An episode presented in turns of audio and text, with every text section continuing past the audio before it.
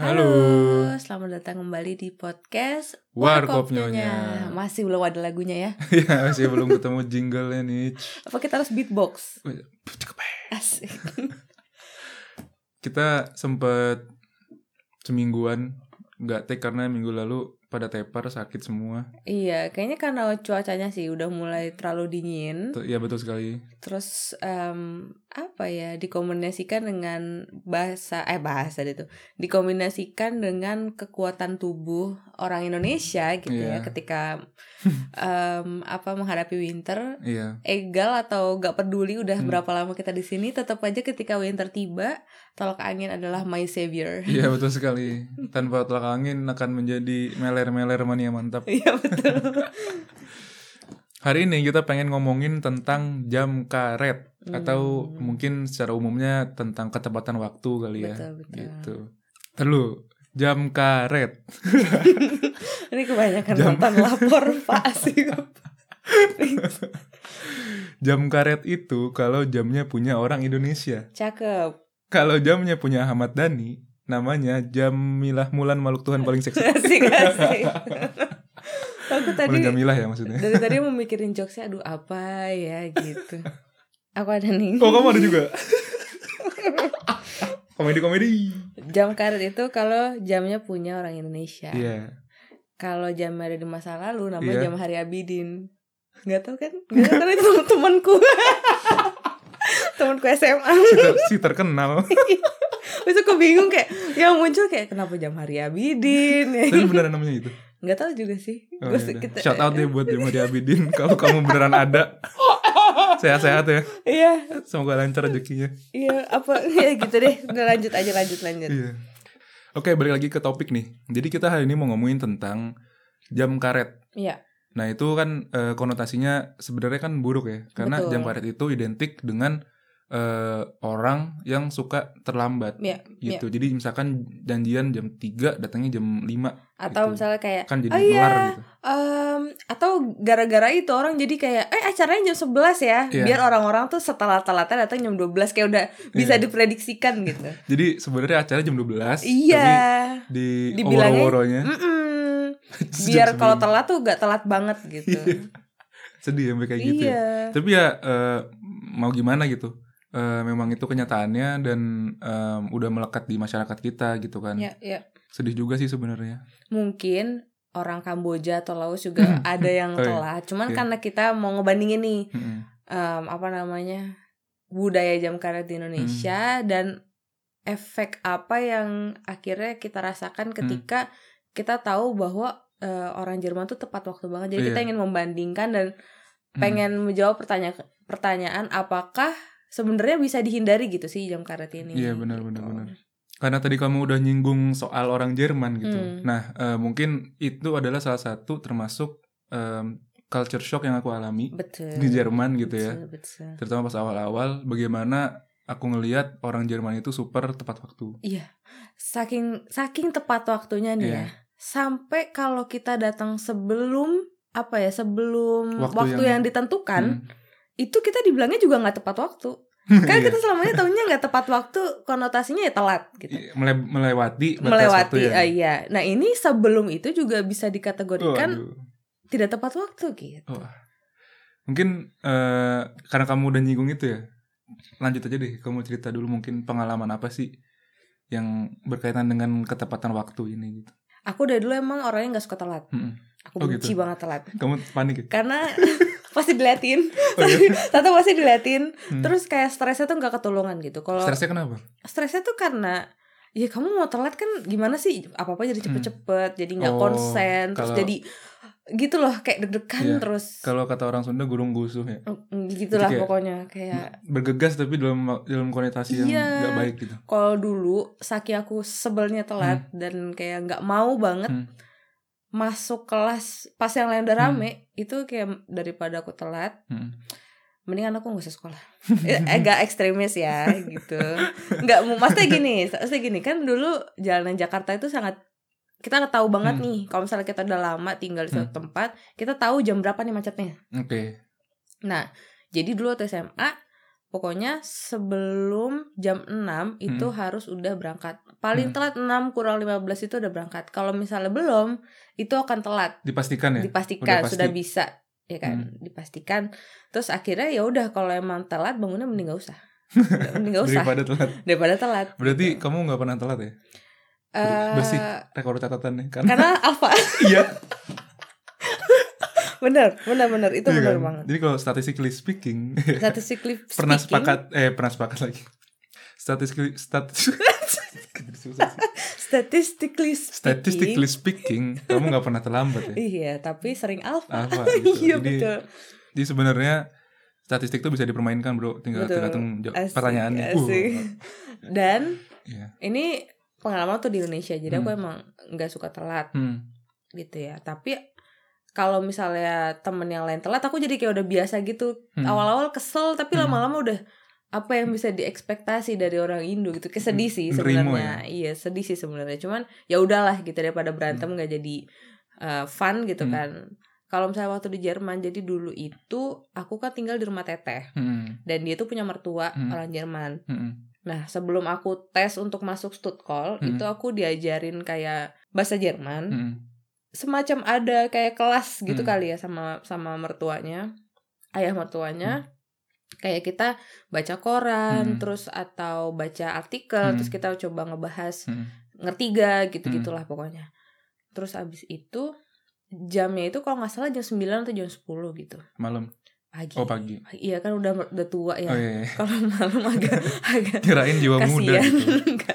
Terus habis itu aku tuh datang selalu Hmm. tank jadi Iya. jam 9 itu pertama kali aku datang tank dia langsung kayak bilang wah hebat ya kamu bisa tank gitu Mm-mm. berarti kan kayak wah jangan-jangan dia ngerasa orang Indo tuh banyak yang tidak tank ya karena Oh.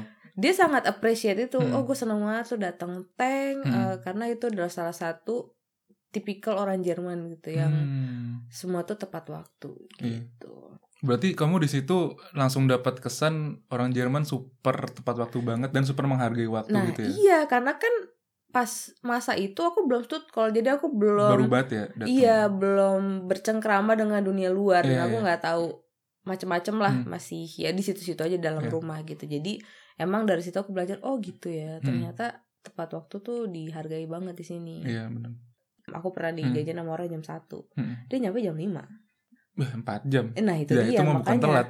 makanya kan terus aku ngerti maksudnya kayak mungkin jalanan Jakarta tuh Hmm. susah banget diprediksi Hmm. sampai eh, apa ya suka telat-telat gitu Hmm. cuman aku pribadi kalau misalnya aku memang berangkatnya dari rumah yang aku Hmm. udah tahu banget tipe jalanannya aku in a way bisa ngitung kira-kira aku butuh waktu berapa nih Hmm. gitu dan kalau gitu kan aku jadi bisa tahu oke aku kalau dari rumah berangkat jam segini Hmm. at least dua jam ya Iya. mending aku Hmm. tiga jam sebelum aku udah ready Udah, berangkat iya. karena mending aku yang nunggu di sana gitu Iya, iya. tapi kesel adalah kalau kamu adalah satu-satunya orang di grup kamu yang mikir oh ya udah gue mending nunggu di sana gitu Atau mungkin kamu adalah satu-satunya orang yang mengusahakan untuk tepat waktu. nah gitu. itu dia kan kes- kesel ini misalnya janjinya jam tiga aku setengah Iya, tiga iya, udah di situ terus yang lain telat kan berarti Hmm. aku menghabiskan waktu berapa lama membuang waktu berapa lama gitu Iya, sementara dari awal dari awal aja kamu udah berkorban waktu. gitu. Iya, itu dia masalahnya. kan double pengorbanannya. Iya,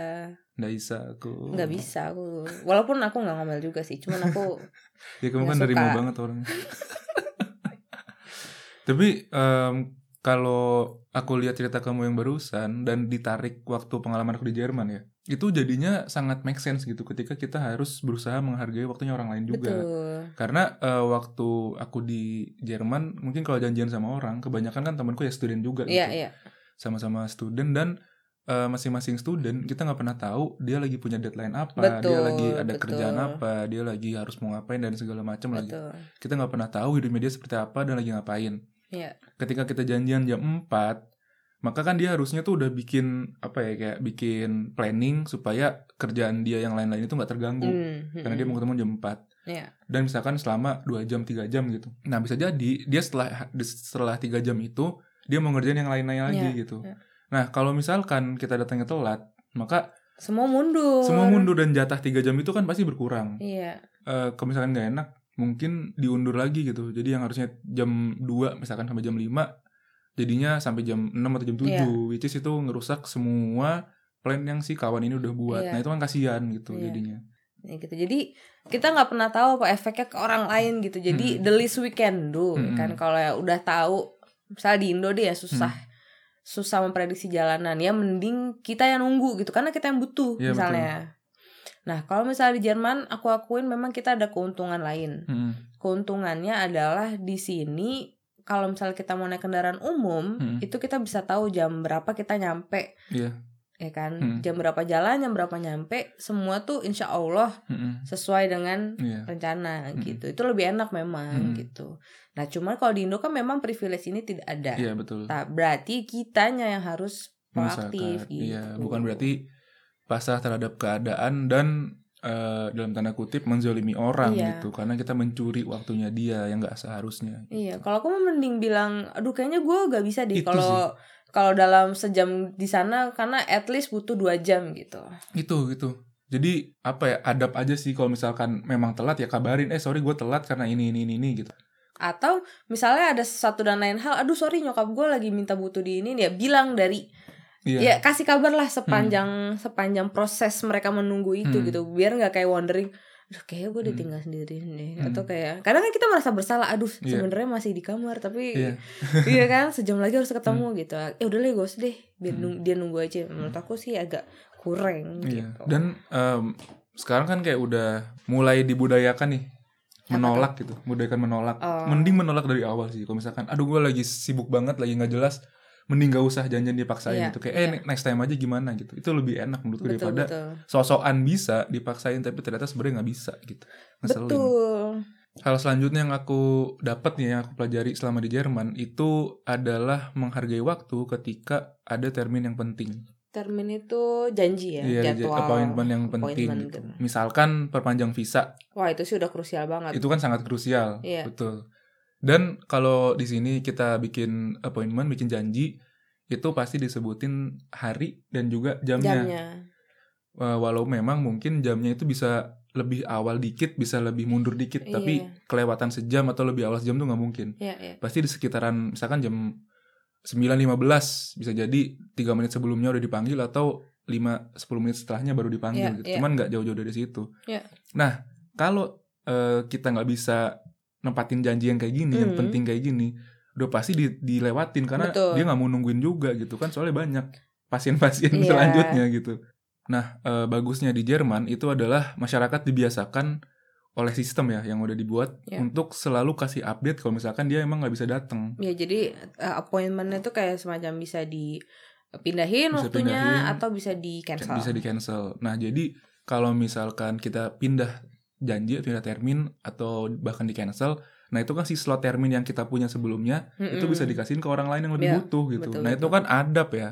Iya. Adab gitu. Jadi jadi kita dibiasain untuk ngasih kabar update kalau misalkan ada sesuatu yang mendesak dadakan yang membuat Iya. kita akhirnya nggak bisa hadir ke sebuah termin tersebut gitu. Iya, betul. Nah, aku ada cerita nih Hmm. berkaitan dengan Apa tuh? eh, termin Iya. untuk bikin atau perpanjang visa ya. Hmm. Jadi ini adalah di tahun Wah.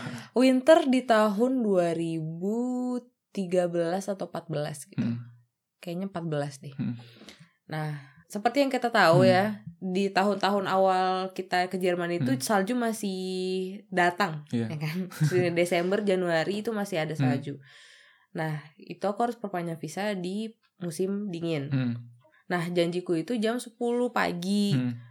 Terus akan aku mikir, ah ya udahlah, dekat kan dari rumah gitu, nggak terlalu jauh. Lagi juga aku tinggal di kota kecil Hmm. gitu. Gak bakal ada apa-apaan lah. Hmm. Terus aku kalau nggak salah setengah sembilan berangkat Iya. gitu. Pas nyampe keluar, salju setebel-tebelnya tebel. Tram gak ada yang jalan, Oh, kereta iya. nggak ada yang jalan. Jadi gak bisa ke mana-mana. Hmm. Terus aku kayak, gak mungkin naik sepeda gak mungkin. Karena apa sih relnya itu ketutupan Ketutup, ya? ketutup. Terus abis itu naik sepeda gak mungkin. Hmm. Jalan kaki lebih gak mungkin lagi. Hmm. Pakai taksi juga kayak gak ada yang jalan gitu. Iya. Ya mau gak mau, aku harus cancel. Iya. Aku harus telepon dan aku harus Hmm. cancel. Masalahnya adalah Iya. s- bulan depannya aku balik ke Indo. Wah, Duh, kan rada-rada Jadi- kicep ya. ya karena appointment untuk dapat appointment di sini kan agak susah ya. Iya. Jadi aku ya mau gimana lagi tapi gitu kan. Ya udah lah akhirnya abis dari situ langsung minta tolong sama orang yang udah lama di Jerman terus dia Hmm. bantu teleponin Hmm. ke uh, perpanjang visa tuh Hmm. kan bisa di kantor imigrasi Hmm. bisa di kampus gitu Hmm. akhirnya teleponin yang di kampus eh harus harus Hmm. dapet nih akhirnya dapet sih Hmm. dua minggu setelahnya jadi dua Oh. minggu sebelum keberangkatan aku baru dapet visa Ih. aduh mak gitu kan jadi kayak "Rrr," gitu iya makanya Tapi pada akhirnya dapet ya. dapat alhamdulillah karena mungkin urgent ya Hmm. mungkin mereka juga bisa apa ya bisa oh ya udah nggak apa karena Hmm. bukan salahku juga kalau Iya. semuanya nggak jalan gitu loh Apa dari situasi alam ya? iya aku nggak bisa ngapa-ngapain juga gitu Eh, Nah, hal selanjutnya yang aku pelajari di Jerman tentang ketepatan waktu ini adalah Mm-mm. ketika di kampus. ya Nah, di kampus itu alhamdulillahnya dosen menyediakan waktu untuk mahasiswanya berkonsultasi. ya Nah, konsultasinya ini nggak terlepas hanya ketika eh, lagi tesis doang, tapi pada apa ya pada perjalanan satu semester itu boleh datang studennya untuk nanya-nanya pelajaran Hmm. atau nanya apa pun lah gitu. Em, dosen di sini tuh ada yang udah ngasih waktu reguler. Nah di kasus yang dosen itu nggak ngasih termin reguler, maka kita harus email. Mm-mm. Eh gue minta waktu untuk ketemu mau ngomongin apa gitu Iya, kan. iya. Nanti dia kasih waktu, misalkan datang aja hari Rabu jam 5 sore. Mhm. Nah itu harus datang di jam yang itu gitu. Kata kamu Iya. bener nggak boleh lebih awal, nggak boleh lebih nggak boleh lebih lambat apalagi Iya, gitu iya. kan. Karena eh, setelah aku nggak ngelakuin itu ya dan Iya. kadang aku ngelihat juga gitu. Ternyata dosen itu atau profesor itu sebelum jam 5, sebelum waktu yang ditentukan Iya. itu dia ada kerjaan gitu. Beneran ada Iya. kerjaan. Entah dia lagi ngebimbing Gak yang lain. bang bong doang ya Iya, nggak cuma main Zuma doang gitu. Kayak Beneran ada Iya, sesuatu entah dia Iya. harus nelpon seseorang atau dia memang lagi membimbing student yang lain main gitu. zuma tipikal banget main Candy Crush Iya bukan yang bambong Iya, doang iya, gitu, iya, bener ada iya. sesuatu. Makanya kita harus datang pas jam 5 karena di jam itu memang dia secara physically, mentally mungkin udah siap untuk Iya, menerima iya, kita iya, gitu. Makanya itu yang aku pelajarin banget harus sangat memperhatikan dan kalau misalkan nggak bisa itu harus email dari Betul. sebelum-sebelumnya juga sama kayak kayak yang kasus sebelumnya gitu. ya. bahkan kalau misalnya udah usaha tapi telat ya harus ngasih kabar tetap Iya ngasih kabar. Eh sorry gue datang 5 menit telat Iya gitu menit kan. telat atau 15 menit telat masih bisa nggak gue datang? Karena bisa jadi karena dia ngangguk kita telat Iya. langsung di cancel full Iya. karena dia mau masukin yang lain gitu cuy. Jadi bener. super strict banget soal termin di kampus apalagi sama dosen. Ya Kamu ada pengalaman gak di kampus? nah ini kan lebih strict lagi kalau lagi labor atau Hmm. lagi laboratorium atau lagi praktek Eh terus kalau datang telat udah pasti nggak boleh Hmm. masuk biasanya gitu kan Iya. kayak itu udah apa namanya udah jadi patokan yang normal lu kalau Hmm. telat gak boleh masuk jangankan laboratorium kayak kelas biasa aja Hmm. juga bisa kayak gitu kan Iya. nah satu hari nih aku, benci telat tapi aku kejadian goblok tapi Iya. aku tuh bukan aku pengen telat Hmm. gitu jadi itu adalah hari pokoknya dekat lebaran misal Hmm. lebaran hari Kamis Hmm. ini tuh hari Sabtunya kebetulan laboratorium itu weekend Oke. nah itu ada acara halal bihalal aku Hmm. ingat banget itu sorenya ada acara Hmm. halal bihalal nah paginya aku ada labor nah labor ini aku harus dapet semacam kayak tanda tangan dosen Iya. biar bisa ikut ujian Oh salah jadi satu syarat emang ya. iya jadi Iya. emang salah satu syarat untuk ikut ujian Iya, di sini memang penting ada banget gitu. kan Iya, penting iya. banget berarti Benar.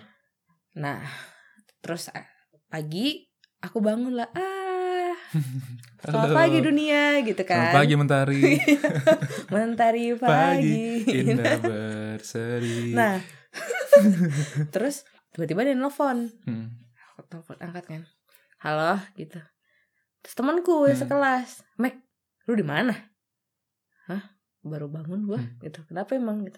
Ini bentar lagi kita masuk tau. Kayak, Astagfirullahalazim. Ternyata. Mulai kelas jam 8 iya. itu jam 8 kurang aku bangun. Jadi aku nggak waker chillnya sama ya? sekali. Aku nggak denger waker sama sekali terus jam 8 dan rumahku tuh kebetulan jauh. Dari Jadi- kampus. at least harus sejam. Iya. at least harus sejam. Iya. Siap-siap pas segala macam lah ya. ya pokoknya sejam nyampe kampus udah nggak mungkin banget kan Aduh, kayak aduh sih. aku benci banget telat lagi Iya. kan ntar pasti diliatin entah, Iya. entah diomelin gitu tapi ini penting gitu Hmm. jadi udah deh aku nggak mandi aku Hmm. cuma sikat gigi ke baju cepet-cepet abis itu langsung keluar Iya. satu jam setengah aku Hmm. baru Nyampe di kelas. nyampe di kelas satu setengah jam kemudian Waduh. dan kamu harus tahu laboratorium itu lamanya Iya. cuma dua jam jadi aku kayak Cuma 30 menit terakhir. iya tiga menit Injury terakhir time. wah terus aku datang kan kayak uh, uh, uh, gitu kan terus Terus kamu kata tebel aja ya.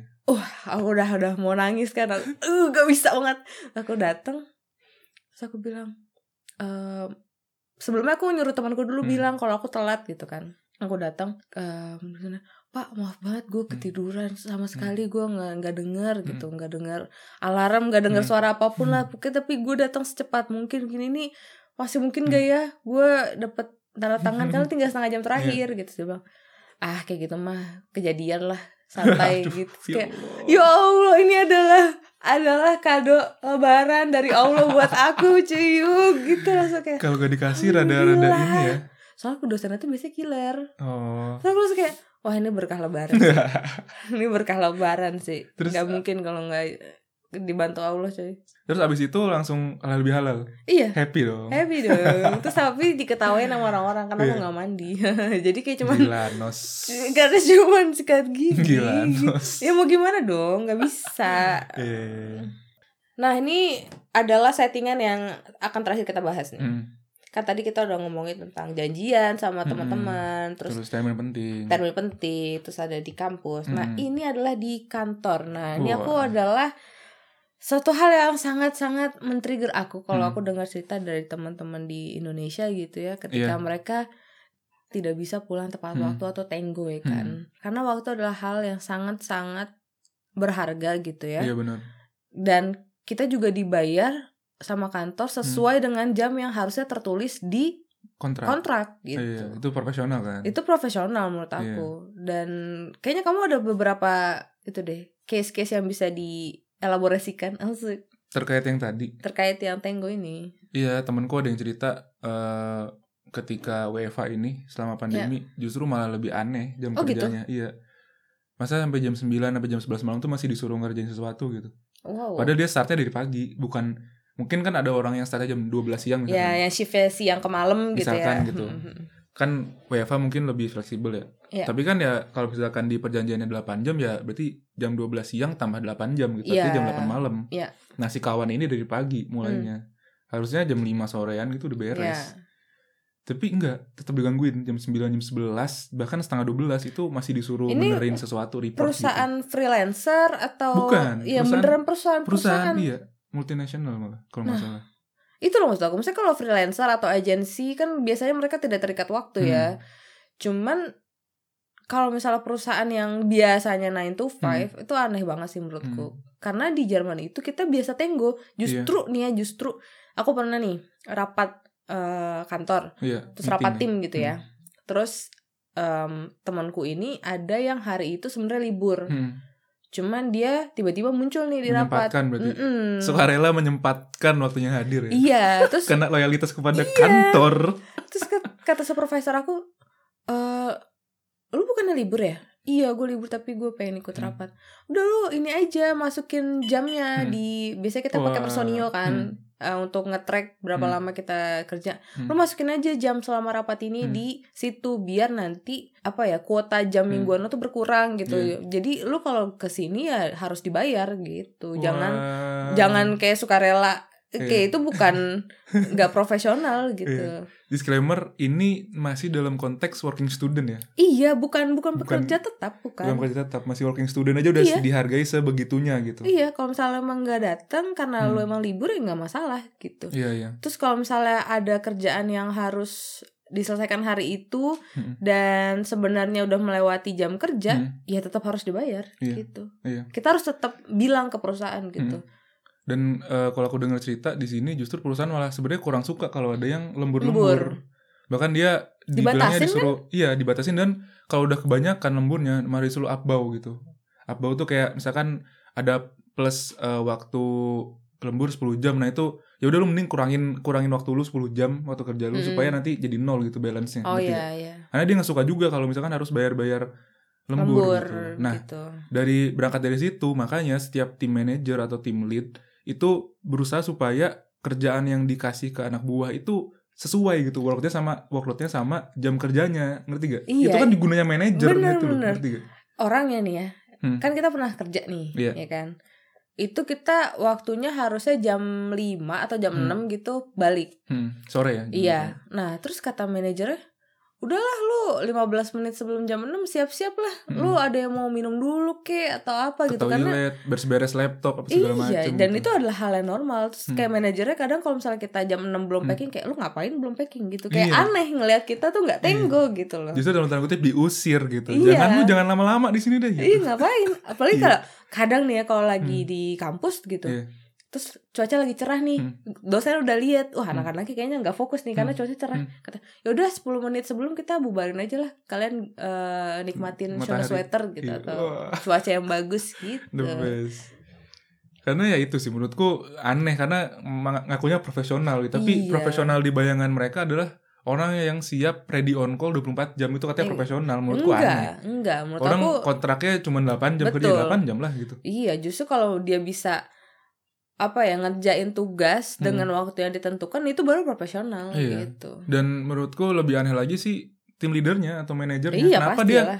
namanya juga manajer, orang yang memanage gitu. Kenapa udah dia tahu bisa manage itu gitu? dia kan ada beban workload yang jelas Iya. dibagi ke sekian orang di timnya dia harusnya dia bisa ngitung gitu Iya, ceritain itu dong yang nunggu-nungguin itu karena itu banyak juga tuh. nah terus ada lagi nih dari kawan Iya. dia cerita manajernya dia itu kayaknya ya kayaknya itu bukan morning person gitu Hmm, jadi pagi tuh dia nggak fungsi Oke. ada Which is kayak gitu. ada, ada, Jadi orang kayak itu gitu. normal lah. Gitu. Iya, Kita ada. bisa memaklumi. Mm-mm. jadi dia fungsinya mungkin siang atau nahmitak gitu kali ya eh, ya setelah Jam 3, setelah habis asar zuhur lah, habis asar. Iya, setelah zuhur menjelang asar mungkin. Nah, eh, karena dia baru mulai kerja jam segitu, otomatis akhir jam kerjanya pun kan akan malam gitu. Ya, di bawah lembur lah istilahnya Iya. kerjaannya. Mm-mm. Terus eh, si manajer ini, si bos ini, dia nyuruh bawahannya untuk nungguin dia di kantor Hmm. sampai dia beres kerja. Artinya si bawahannya ini kan pada mulainya pagi. Iya. Jadi mereka harus dengan sukarela nambahin jam kerja dia hanya untuk nemenin si bos gendeng ini gitu. Iya. Kan gak jelas. menurutku. Nggak jelas menurut Gak jelas. Kayak temenin lah, temenin lah gitu. Pada akhirnya pulangnya jadi jam 11, jadi jam 10. Unnecessary banget. Padahal mereka harusnya udah bisa pulang jam 5, jam 6 gitu. Itu untungnya, Iya. untungnya si kawan ini belum berkeluarga. Bayangin kalau udah berkeluarga. Iya. Abis pusing. banget waktunya. Kesel lah. Bener, bener Di lah. rumah ada yang nungguin coy. Apalagi udah punya anak. Lebih Iya. kesel lagi. Yang gua tanda tangan gua tanda tangan kontrak di sini itu berharap supaya jam 6 tuh udah bisa di rumah Iya. karena mungkin dia milih kantor ini karena dekat dari rumah dan Iya. segala macam gitu kan tapi karena kelakuan orang gendeng kayak gini akhirnya dia gagal juga gitu Iya, dan nggak profesional cuy menurut aku apa coba kayak minta di teman-temenin? aneh banget gitu manja Iya, manja, terlalu manja terlalu dia. manja ngeselin Iya, lagi juga karena Hmm. apa ya? Personalitinya adalah bukan urusan orang lain gitu ketiga sih. Kayak personality dia, oke gue bukan morning person. iya I- Ini adalah pilihan pilihan hidup gue. Gue Hmm. biasa begadang, Hmm. oke. Eh tapi gue usah bawa orang lain Iya. gitu ngerti gak sih? karena buat orang lain itu tuh jadi siksaan gitu Iya. buat orang yang morning person siksaan banget kalau harus begadang-begadang kan nggak usah nggak usah morning person Hmm. siapa pun yang disuruh kerja di, melewati jam kerjanya dia pasti Hmm. kesel kesel sih gitu cuman mereka akhirnya nggak bisa berkutik gitu ya karena manajer karena kan dan ya itu sih maksudnya jadi sedih aja gitu Iya. orang jadi kan itu abusive jatuhnya sebenarnya iya aku juga pernah bikin question Oh box iya, itu kan benar. yang di Instagram terus aku nanya tentang gimana sih senioritas tuh Iya. waktu itu pas senioritas tuh banyak yang bilang gitu nunggu Hmm. nungguin manajernya terus Nggak suka di jelas call ya. call nggak jelas weekend Mm-mm. kayak gitu gitu tuh kayak terus mungkin kalau mereka punya LinkedIn dipasang di LinkedIn-nya kayak orang sok paling iye banget gitu. Padahal hustling culture. iya padahal ngatur jam kerja anak buahnya nggak nggak nggak bisa gitu. Ngebagi workload aja nggak Iya. bener kan. Gilani banget coy. Nah ini kita udah mulai ketiga nih. Iya ini kita harus Ah, ngerem sedikit ngerem sedikit. Jadi ya itu ya, karena kita udah mulai ke trigger, udah kesel, karena kita memandang waktu adalah hal yang sangat penting gitu komoditas yang berharga karena dia nggak bisa balik Iya. gitu. Kalau duit hilang bisa dicari, mobil hilang atau rusak bisa dibenerin atau Iya, bisa dicari. iya. Du waktu nggak bisa gitu. Ya karena kan kita harus harus dipilih-pilih lagi waktunya mau Mm-mm. dihabisin ke mana Betul.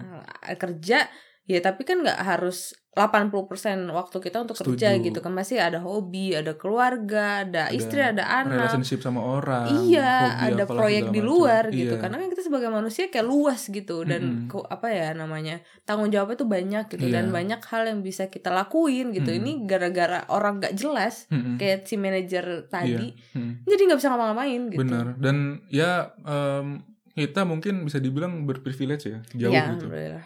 Dan harusnya kita ngebagi privilege kita untuk orang lain tapi itu nggak akan bisa kita lakuin ketika waktu kita habis di tempat kerja Nah, yang disebabkan oleh orang-orang gendeng gitu. Gitu. kan jadi shade mungkin dia jago ngaji misalkan pengen harusnya dia kalau pulangnya jam 6 habis isya tuh dia bisa jadi guru ngaji misalkan Iya. minimal untuk anaknya sendiri Iya. tapi gara-gara orang gendeng kayak tadi ditahan-tahan nggak bisa iya, pulang nggak bisa ngajarin dia akhirnya potensi dia nggak tersampaikan gitu dan betul. Berbagai macam potensi lain yang dimiliki orang yang akhirnya nggak bisa keluar hanya karena orang-orang gendeng gitu waktunya Nah. habis di tempat kerja Mm-mm. Kita mau ngomong ini sebenarnya sih ya biar biar pada apa ya punya perspektif lain gitu Iya, bahwa benar. jam karet itu bukan sesuatu yang normal dan Iya. jangan pernah dinormalisasikan gitu. setuju setuju setuju karena eh, menurutku mungkin ya akhirnya jadi normal gitu ya dalam tanda kutip karena nggak ada yang mencontohkan untuk eh, budaya tepat waktu ini Iya. gitu. Kalau di Jerman kan semua orang kayak udah jadi konsensus bersama bahwa Iya. ya harus tepat waktu gitu. Iya. kalau di Jerman- kalau di Indonesia mungkin belum ada gitu. Bahkan pejabatnya sendiri yang harusnya dia jadi contoh gitu Iya, kan. Karena kita bilang presiden RI 1 gitu. Iya. jadi dia orang, orang nomor satu dia. Kalau misalkan wali kota berarti dia misalkan kota Bogor nomor satu gitu. Iya, Nah dia tuh yang yang paling disorot dan jadi forebuild atau jadi panutan. iya. Tapi panutannya aja ngaret gitu kan. Ya Hmm. pasti ke bawah juga pasti ngaret Iya, gitu. sedih Karena ya. di- dia gue mau nyontoh siapa, bahkan Iya. panutan gue pun telat gitu. Iya. Akhirnya dia menormalisasi itu dalam tanda Iya. kutip cuy, kayak yang kata kamu kan sedih jadinya. Iya. Gitu. Nah jadi gitu ya Hmm. buat menghindari itu semua eh, kita harus belajar menghargai waktu waktu Benar-benar. untuk diri kita sendiri dan waktunya orang lain Iya benar. Gitu ya karena waktu tidak bisa dibeli dan tidak bisa Hmm. dikembalikan lagi Hmm. terus tadi mungkin yang bisa dipetik adalah ya kalau misalnya emang udah tahu bakal telat harus bilang Iya atau memang di cancel aja dari dari beberapa hari Iya sebelumnya benar. terus abis itu kalau misalnya udah bisa Hmm. memprediksi jalanan sebaiknya ngambil amannya aja Hmm. gitu nggak usah kayak oh ya udah lihat nanti aja nggak bisa gitu Jadi lebih aman tuh berangkat lebih awal kali. ya. betul ya nggak usah kayak ah udah lihat, lihat nanti aja di jalanan gimana ya nggak bisa Hmm. gitu Benar benar benar. Gitu deh sekilas tentang tepat waktu ya. Betul. Semoga yang dengerin ini menjadi sadar dan untuk pengingat diri kita sendiri juga Mm-mm. supaya latihan untuk eh, lebih tepat waktu Ya. sehingga generasi di masa depan itu nggak jadi lagi pemilik jam karet dan Indonesia bisa jadi lebih baik insya Allah nah mungkin itu dia cung orang apa dalam Islam disuruh kalau mau memperbaiki hidup Hmm. perbaiki dulu sholatmu Hmm. karena jadi belajar tepat waktu iya iya iya karena Iya. udah ada waktunya ya. betul wah Asik. super sekali Asik, mantap. Jadi sampai sini dulu percobaan kita kali ini. Sampai jumpa di episode-episode selanjutnya. Dadah. Dadah.